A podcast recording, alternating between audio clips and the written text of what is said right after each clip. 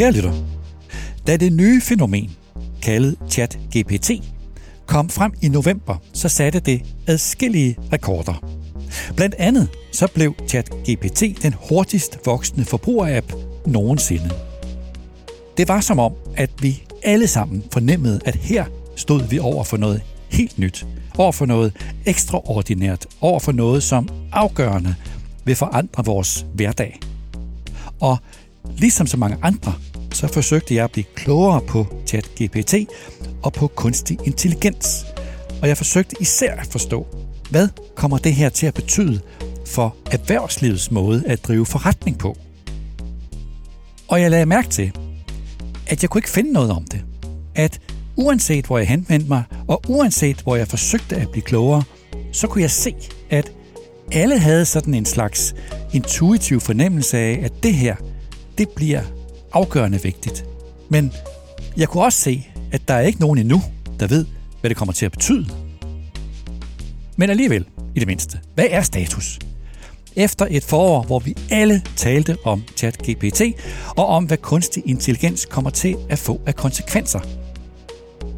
Når jeg iagtager erhvervslivets topchefer i det her kritisk vigtige tema, så vil jeg mene, at al usikkerheden den kan koges ind til to spørgsmål. To spørgsmål, som alle forsøger at finde deres individuelle svar på.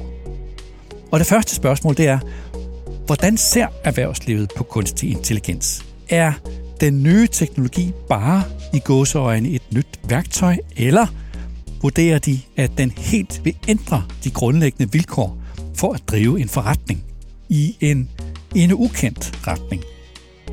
Og det andet spørgsmål er, hvordan forholder topcheferne i erhvervslivet sig til kunstig intelligens, også sådan helt personligt for dem selv som leder. Hvad skal jeg kunne selv som leder? Og når vi nu taler om ny teknologi, så er der et tredje spørgsmål, som jeg holdt øje med i foråret. Et spørgsmål, som af en eller anden grund ikke fylder så meget i den almindelige debat, og det er det med platformene. Altså de digitale platforme, som fylder mere og mere. For eksempel Amazon og Spotify og Volt. Er de platforme vigtige set med traditionelle virksomheders øjne? Og hvis de er vigtige, er de så en mulighed, eller er de en trussel for traditionelle virksomheder? Her er et bud på det. Om ikke ligefrem et svar, så i hvert fald en slags status. Velkommen til Topchefernes Strategi.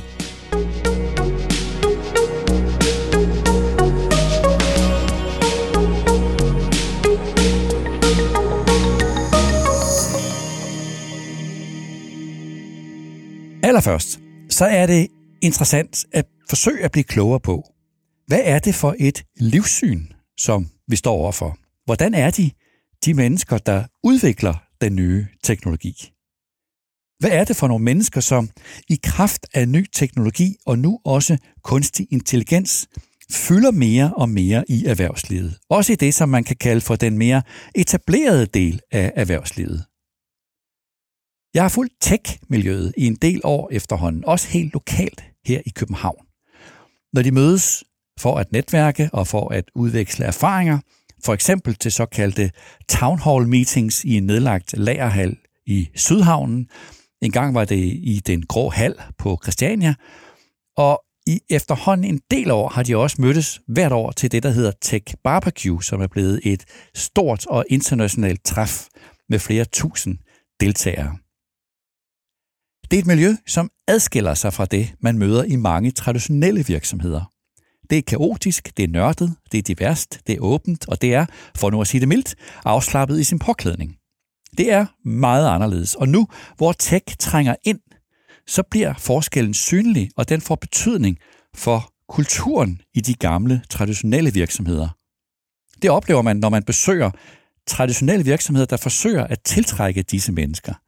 Når man for eksempel går rundt i hovedkontoret hos AP Møller Mærsk på Esplanaden i København, hvor de har hentet rigtig mange tech-folk ind, så møder man en synlig anden kultur end for bare nogle år siden. Jeg kan tydeligt huske dengang, hvor man så den mest mødte mænd i jakkesæt og med slips, Og nu er der rigtig mange unge mennesker, mange kvinder, mange udlændinge, og de går altså hellere i gummisko end i jakkesæt. Og techmiljøet det består af ildsjæle, er nørder. De har en ekstrem optimisme, de har en høj fejlprocent, og så er miljøet præget af en ekstraordinær ambition og risikovillighed, og så har de et særligt kollegialt fællesskab. Det måske mest ultimative eksempel på alt det her, det finder vi hos Sam Altman, den amerikanske tech der står i spidsen for virksomheden OpenAI, og som har været med til at udvikle ChatGPT. Sam Altman blev i foråret en superstjerne i USA, og han har om nogen sat dagsordenen, når det gælder tech-verdenens livssyn. Sam Altman var blandt andet gæst hos tech-journalisten Kara Swisher i hendes podcast, der hedder On. Og ved den lejlighed sagde han, at han drømmer om at leve i en radikalt forbedret verden, takket være kunstig intelligens. Han sagde det sådan her. We will be one of several in this moment, and that this is going to be really wonderful. This is going to elevate humanity in ways we still can't fully envision. And our children, our children's children are going to be far better off than, you know, the best of anyone from this time. And we're just going to be in a, in a radically improved world. We will live healthier, more interesting, more fulfilling lives. We'll have material abundance for people. Sam Altman er altså begejstret, når det gælder kunstig intelligens, og alt det, som kunstig intelligens kan udrette. Men han deler den bekymring, som mange har. Han er helt opmærksom på, at kunstig intelligens er et kraftfuldt værktøj, og det også rummer store risici. Men når jeg hører Sam Altman, så er det først og fremmest begejstringen, jeg lægger mærke til. For eksempel når det gælder diskussionen om, hvorvidt at kunstig intelligens vil gøre en masse job overflødige og gøre en masse mennesker arbejdsløse. Hvis siger Sam Altman, at man tror, at det betyder, at mennesker ikke længere vil ønske at arbejde, så er det forkert. Fordi, siger han, sådan er mennesker slet ikke. Han udtrykker det på denne her måde i en podcast hos Lex Friedman. And then people are like, oh, well, no one is going to work. But people want status. People want drama. People want new things. People want to create. People want to like feel useful. Um, people want to do all these things. And we're just going to find new and different ways to do them, even in a vastly better, like unimaginably good standard of living world. Det er en lang diskussion, den her, og Sam Altman indrømmer i podcasten hos Kara Swisher, at de hos OpenAI har ændret holdning til for eksempel det med åbenhed. De forsøger stadig at være så åbne som muligt, siger han, men, og det er jo i sig selv ret tankevækkende, det må man sige, så er det simpelthen for farligt at slippe den her nye teknologi ud i det åbne rum før at man bliver klogere på, hvad de mulige risici de er. Men som sagt, Sam Altman er begejstret, og det er den følelse, som jeg ser hos de toneangivende tech-opinionsdannere. For eksempel hos Jensen Huang, iværksætteren af tech-virksomheden Nvidia, som er blevet en af verdens mest værdifulde virksomheder. Jensen Huang er en tech superstjerne, ligesom Sam Altman, og han holdt i maj en tale i sit fødeland Taiwan. Han talte til studenterne på universitetet National Taiwan University. Og han var ikke i tvivl. Han opfordrede de unge mennesker til at omfavne den nye teknologi. I realiteten, sådan hørte jeg ham, uden forbehold. Jensen Huang sagde sådan her om den nye verden, der er ved at åbne sig. And just as I was with the PC and chip revolution, you're at the beginning, at the starting line of AI. Every industry will be revolutionized, reborn, ready for new ideas, your ideas. In 40 years, we created the PC, internet, mobile, cloud, and now the AI era. What will you create? Whatever it is, run after it like we did. Run. Don't walk. Så selvom der er bekymring, også i tech-miljøet, for hvad kunstig intelligens kan føre til og bruges til, så er der også begejstring. En stor begejstring i det tech-miljø, som udvikler kunstig intelligens.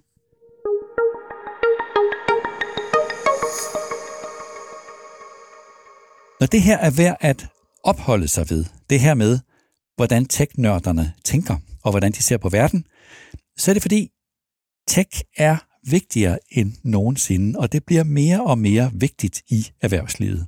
Og det vil præge de traditionelle virksomheder, det vil præge deres prioriteter, deres måde at tænke på, deres rekruttering af nye medarbejdere, og derfor også deres kultur. Og derfor så er det interessant at se, synes jeg i hvert fald, at den samme begejstring for kunstig intelligens, som man ser i techmiljøet, den møder man ikke, når man taler med topcheferne i dansk erhvervsliv. Det lagde jeg mærke til, da vi på børsen lavede et rundspørg til topcheferne i nogle af de største danske virksomheder. Alexander Latschik, topchef i Pandora, talte om, at man endnu kun er, citat, på et lejende stadie, citat slut, og Britt Melby, topchef i Ambu, sagde, at hun er åben over for teknologien, men hun ville eller kunne ikke give nogen konkrete eksempler. Og Kirsten Hart, topchef i Carlsberg, sagde, at han har valgt at være afventende, og han nævnte Big Data som et eksempel. Big Data, sagde Keste Hart, var et varmt tema for nogle år siden, og mange investerede i Big Data, blot for at få store mængder af data, som de havde svært ved at udnytte. Citat.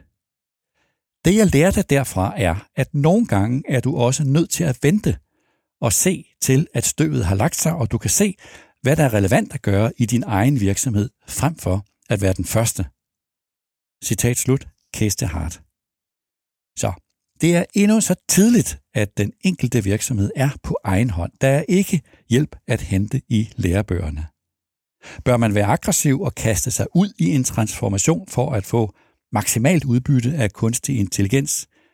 Eller gør man klogt i at være forsigtig og i agtage, hvordan teknologien udvikler sig? Her er det min iagtagelse fra foråret, at de adspurgte topchefer stadig er afventende. De vurderer, at kunstig intelligens, ja, den er vigtig, og at den potentielt kan blive afgørende vigtig, og de bruger allerede kunstig intelligens som værktøj, og jeg er heller ikke i tvivl om, at de holder tæt øje med, hvad der foregår, men når det gælder om at kaste store investeringer og store satsninger ind i kunstig intelligens, så er de stadig afventende. Det ændrer imidlertid ikke på, at digital forståelse allerede nu er en nærværende og personlig udfordring for mange ledere. Hårde spørgsmål presser sig på, næsten uanset hvor man sidder i en organisation. Når kunstig intelligens kan svare på stort set alt, hvor meget behøver jeg så at forstå helt personligt? Skal jeg kunne skrive en kode? Er jeg fagligt kvalificeret til at sætte en digital retning for mine medarbejdere? Hvad er det for nogle værdier, som mine tech-talenter har, og hvordan motiverer jeg dem? Da jeg talte med Lars Fruergaard Jørgensen, topchef i Novo Nordisk, om det tema her i podcasten, så sagde han, at han vurderer, at kunstig intelligens kan få meget stor betydning inden for forskning, og at han som leder bliver nødt til at forstå, hvad det er, at teknologien kan. Lars Frogård Jørgensen talte især om det med at bruge sin nysgerrighed. Han sagde det sådan her. Men man bliver nødt, man bliver nødt til at, at have en nysgerrighed omkring øh, en lang række forhold, og IT er en af dem. Altså quantum computing, hvad er det? Altså, de fleste af os, vi vokser op i sådan en binær 0-1, men, men det er ikke omkring 0-1. Øh, så hvis man, ikke, hvis man ikke forstår, hvordan det fundamentalt er anderledes, så er der en risiko for, at man heller ikke øh, forstår, hvad det kan bidrage med til virksomheden. Øh, og hvis man ikke kan det, så er der en risiko for, at man ikke får organiseret virksomheden omkring og, og udnytte, hvad det kunne være. Men hvis det alt, så skal man jo omgive sig med folk, der, der har forstand på det, øh, og organisere sig på en måde, at man får sikret, at virksomheden afdækker de muligheder. Hvis jeg skal sammenfatte mine jagttagelser fra foråret af det her tema, altså hvordan de i erhvervslivet på det sådan mere personlige plan forholder sig til kunstig intelligens, så vil jeg vurdere, at udsagnet fra Lars Fruergaard Jørgensen er ret repræsentativt. De er nysgerrige. De forsøger at forstå det nye fænomen, og hvis der er en udvikling i det her, altså hvordan topcheferne svarer i forhold til for eksempel for fem år siden, når jeg spurgte ind til, hvor meget de selv personligt forsøgte at forstå ny teknologi, så er der en udvikling, i hvert fald for mig at se, i retning af, at de forsøger at få en dybere teknologisk forståelse. Det er ikke nok længere bare at have sådan en overordnet, en sådan mere intuitiv forståelse af ny teknologi. Dertil er teknologi blevet for vigtig i en moderne virksomhed.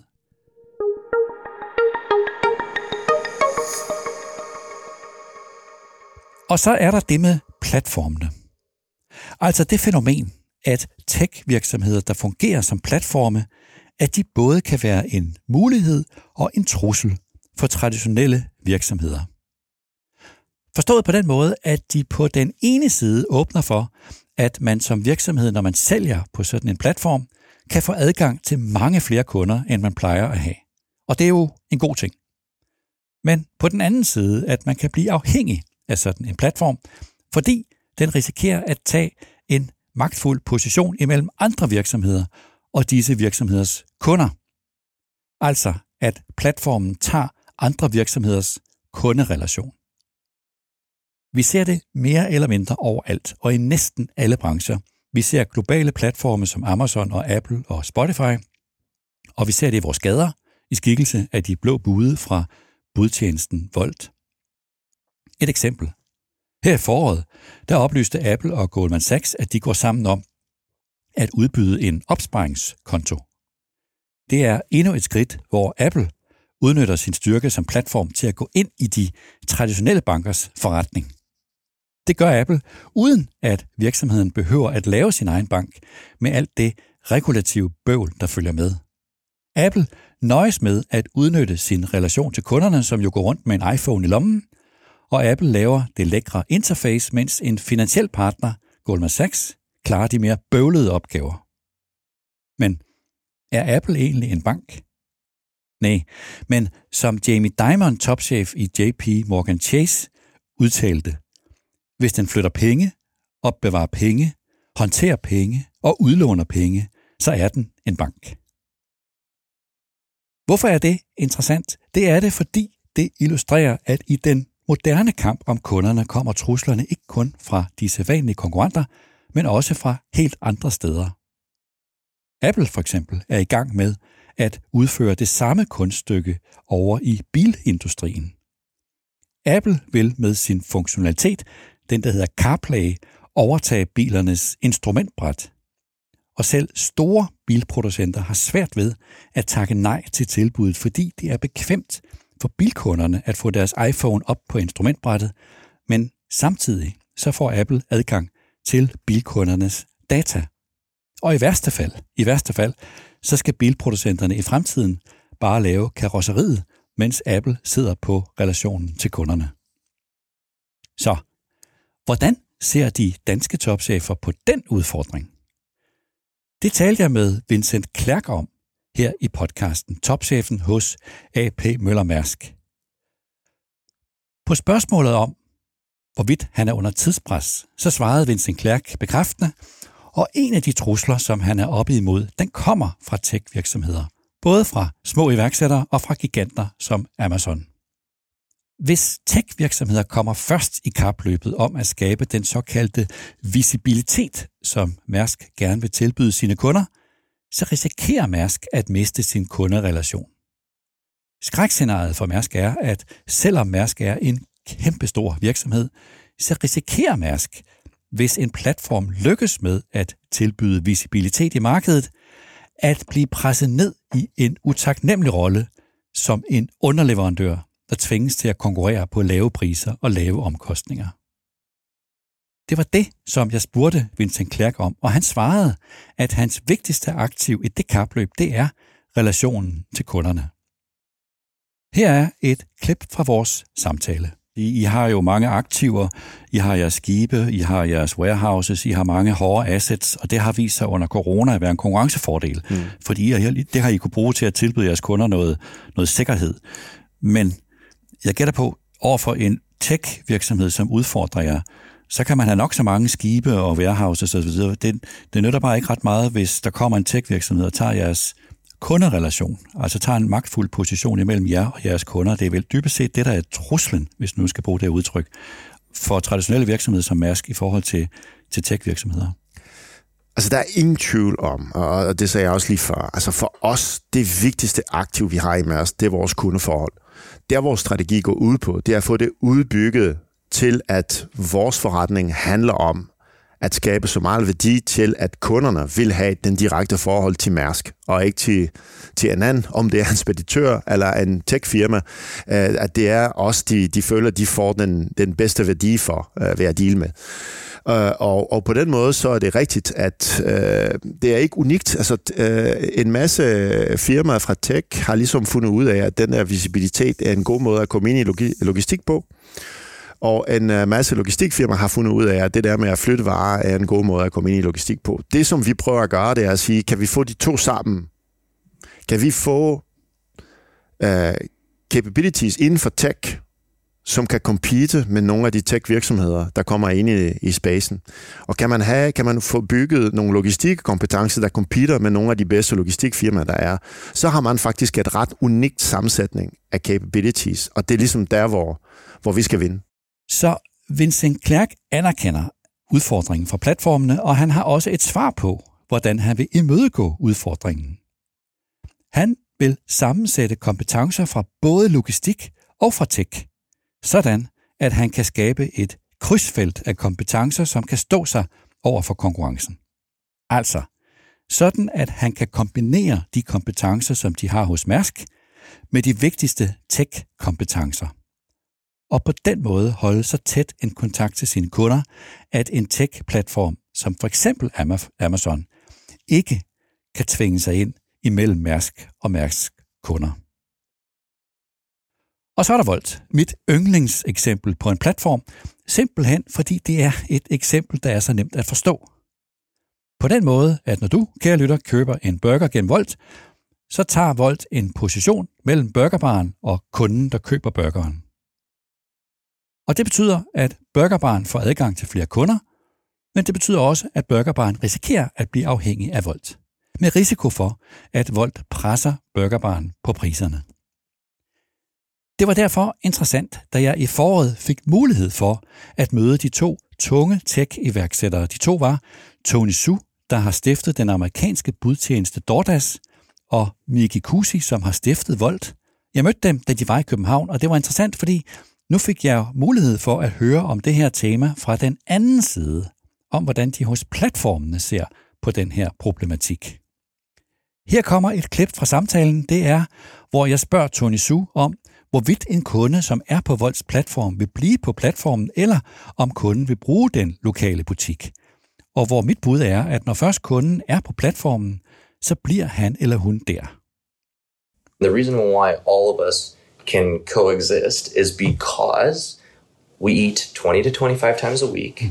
And if you add all the shopping occasions, it's, it's even greater than that. Not all of those are going to happen through one app or two apps. It's going to happen through maybe our app. It'll happen through the merchant's website mm. or app. It'll happen in store as you walk inside or think about it. I mean, it, every human I know, any country, right, perf- does things in multiple ways. They're not going to just cook at home. They're not going to just order delivery. They're not going to just go pick up takeout for lunch. They're not going to just eat inside and mm. dine in. Or they're going to do all of these things, right? And the great, the greatest luxury, honestly, that any one of us has in this industry is that people do this with the greatest frequency of any purchase they make, right? Any category. Yeah. Electronics, okay. clothing, but travel, I- food is many, many, many multiples bigger than all yeah. that combined. I see that. I accept that. Yeah. But do you also see it? My point of view. That, I do see your point. Yeah, if I, do see. If I was a local merchant, I would be a little scared. I understand your yeah. point of view, and that's why, and that's why I said that. That's why I said that DoorDash's mission um, has always been to do two things. You're talking about one of those things, which is to grow a merchant sales.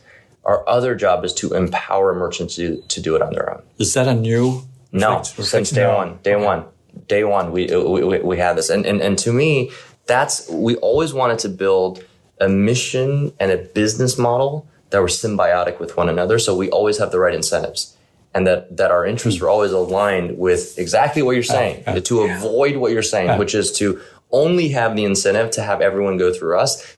Så vidt Tony Su. Han afviser min kritik. Han anerkender synspunktet, men han afviser, at det har noget for sig.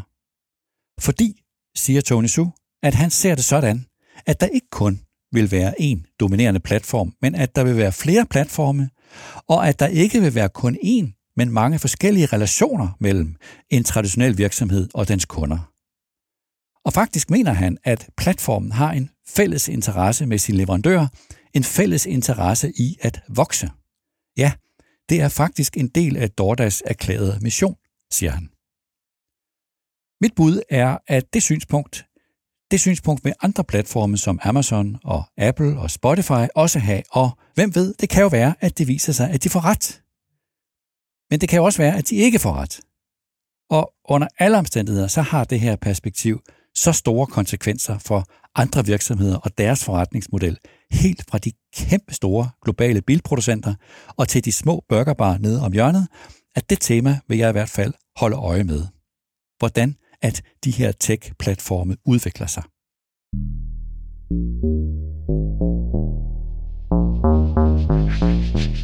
Så hvad er så svarene? I hvert fald mit bud på svarene på de spørgsmål, som jeg stillede mig selv i starten af optagelsen, og som trængte sig på i løbet af foråret. Når det gælder det første spørgsmål om, hvordan erhvervslivet ser på kunstig intelligens, om den nye teknologi bare i gåsøjen er et nyt værktøj, eller om de i erhvervslivet vurderer, at den helt vil ændre de grundlæggende vilkår for at drive en forretning i en endnu ukendt retning, så er det mit bud, at de i første omgang ser kunstig intelligens som et værktøj.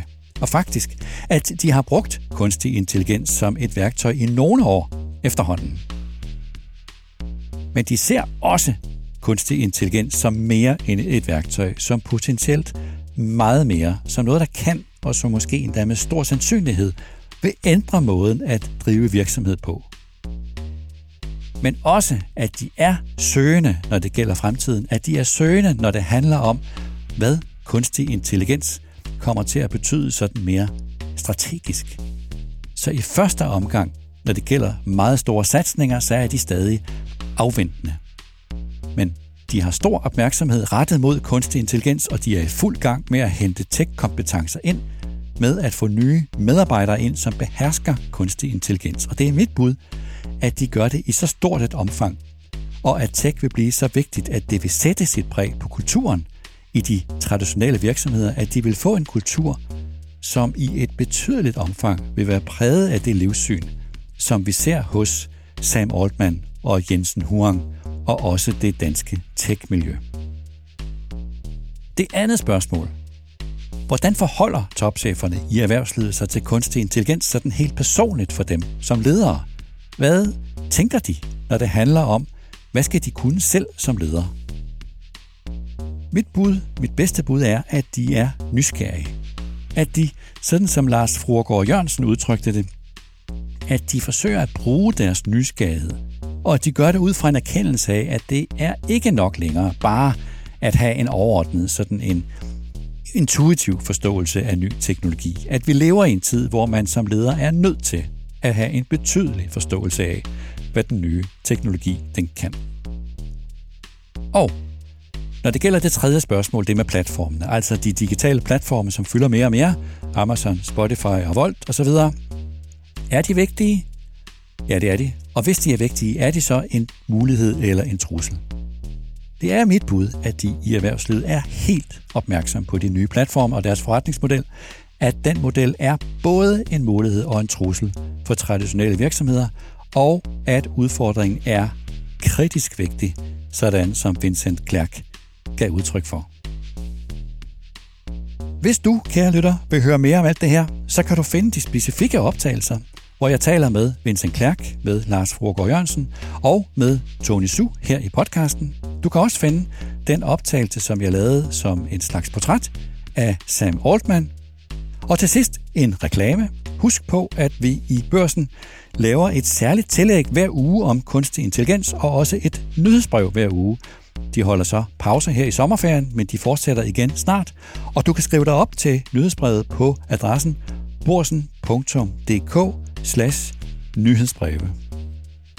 Tak til Peter Emil Witt, der redigerede optagelsen. Og tak til dig, der lyttede med. Og tak for et super spændende forår. Jeg håber, kære lytter, at du får en fantastisk sommer, og jeg glæder mig til, at vi høres ved om på den anden side af sommerferien.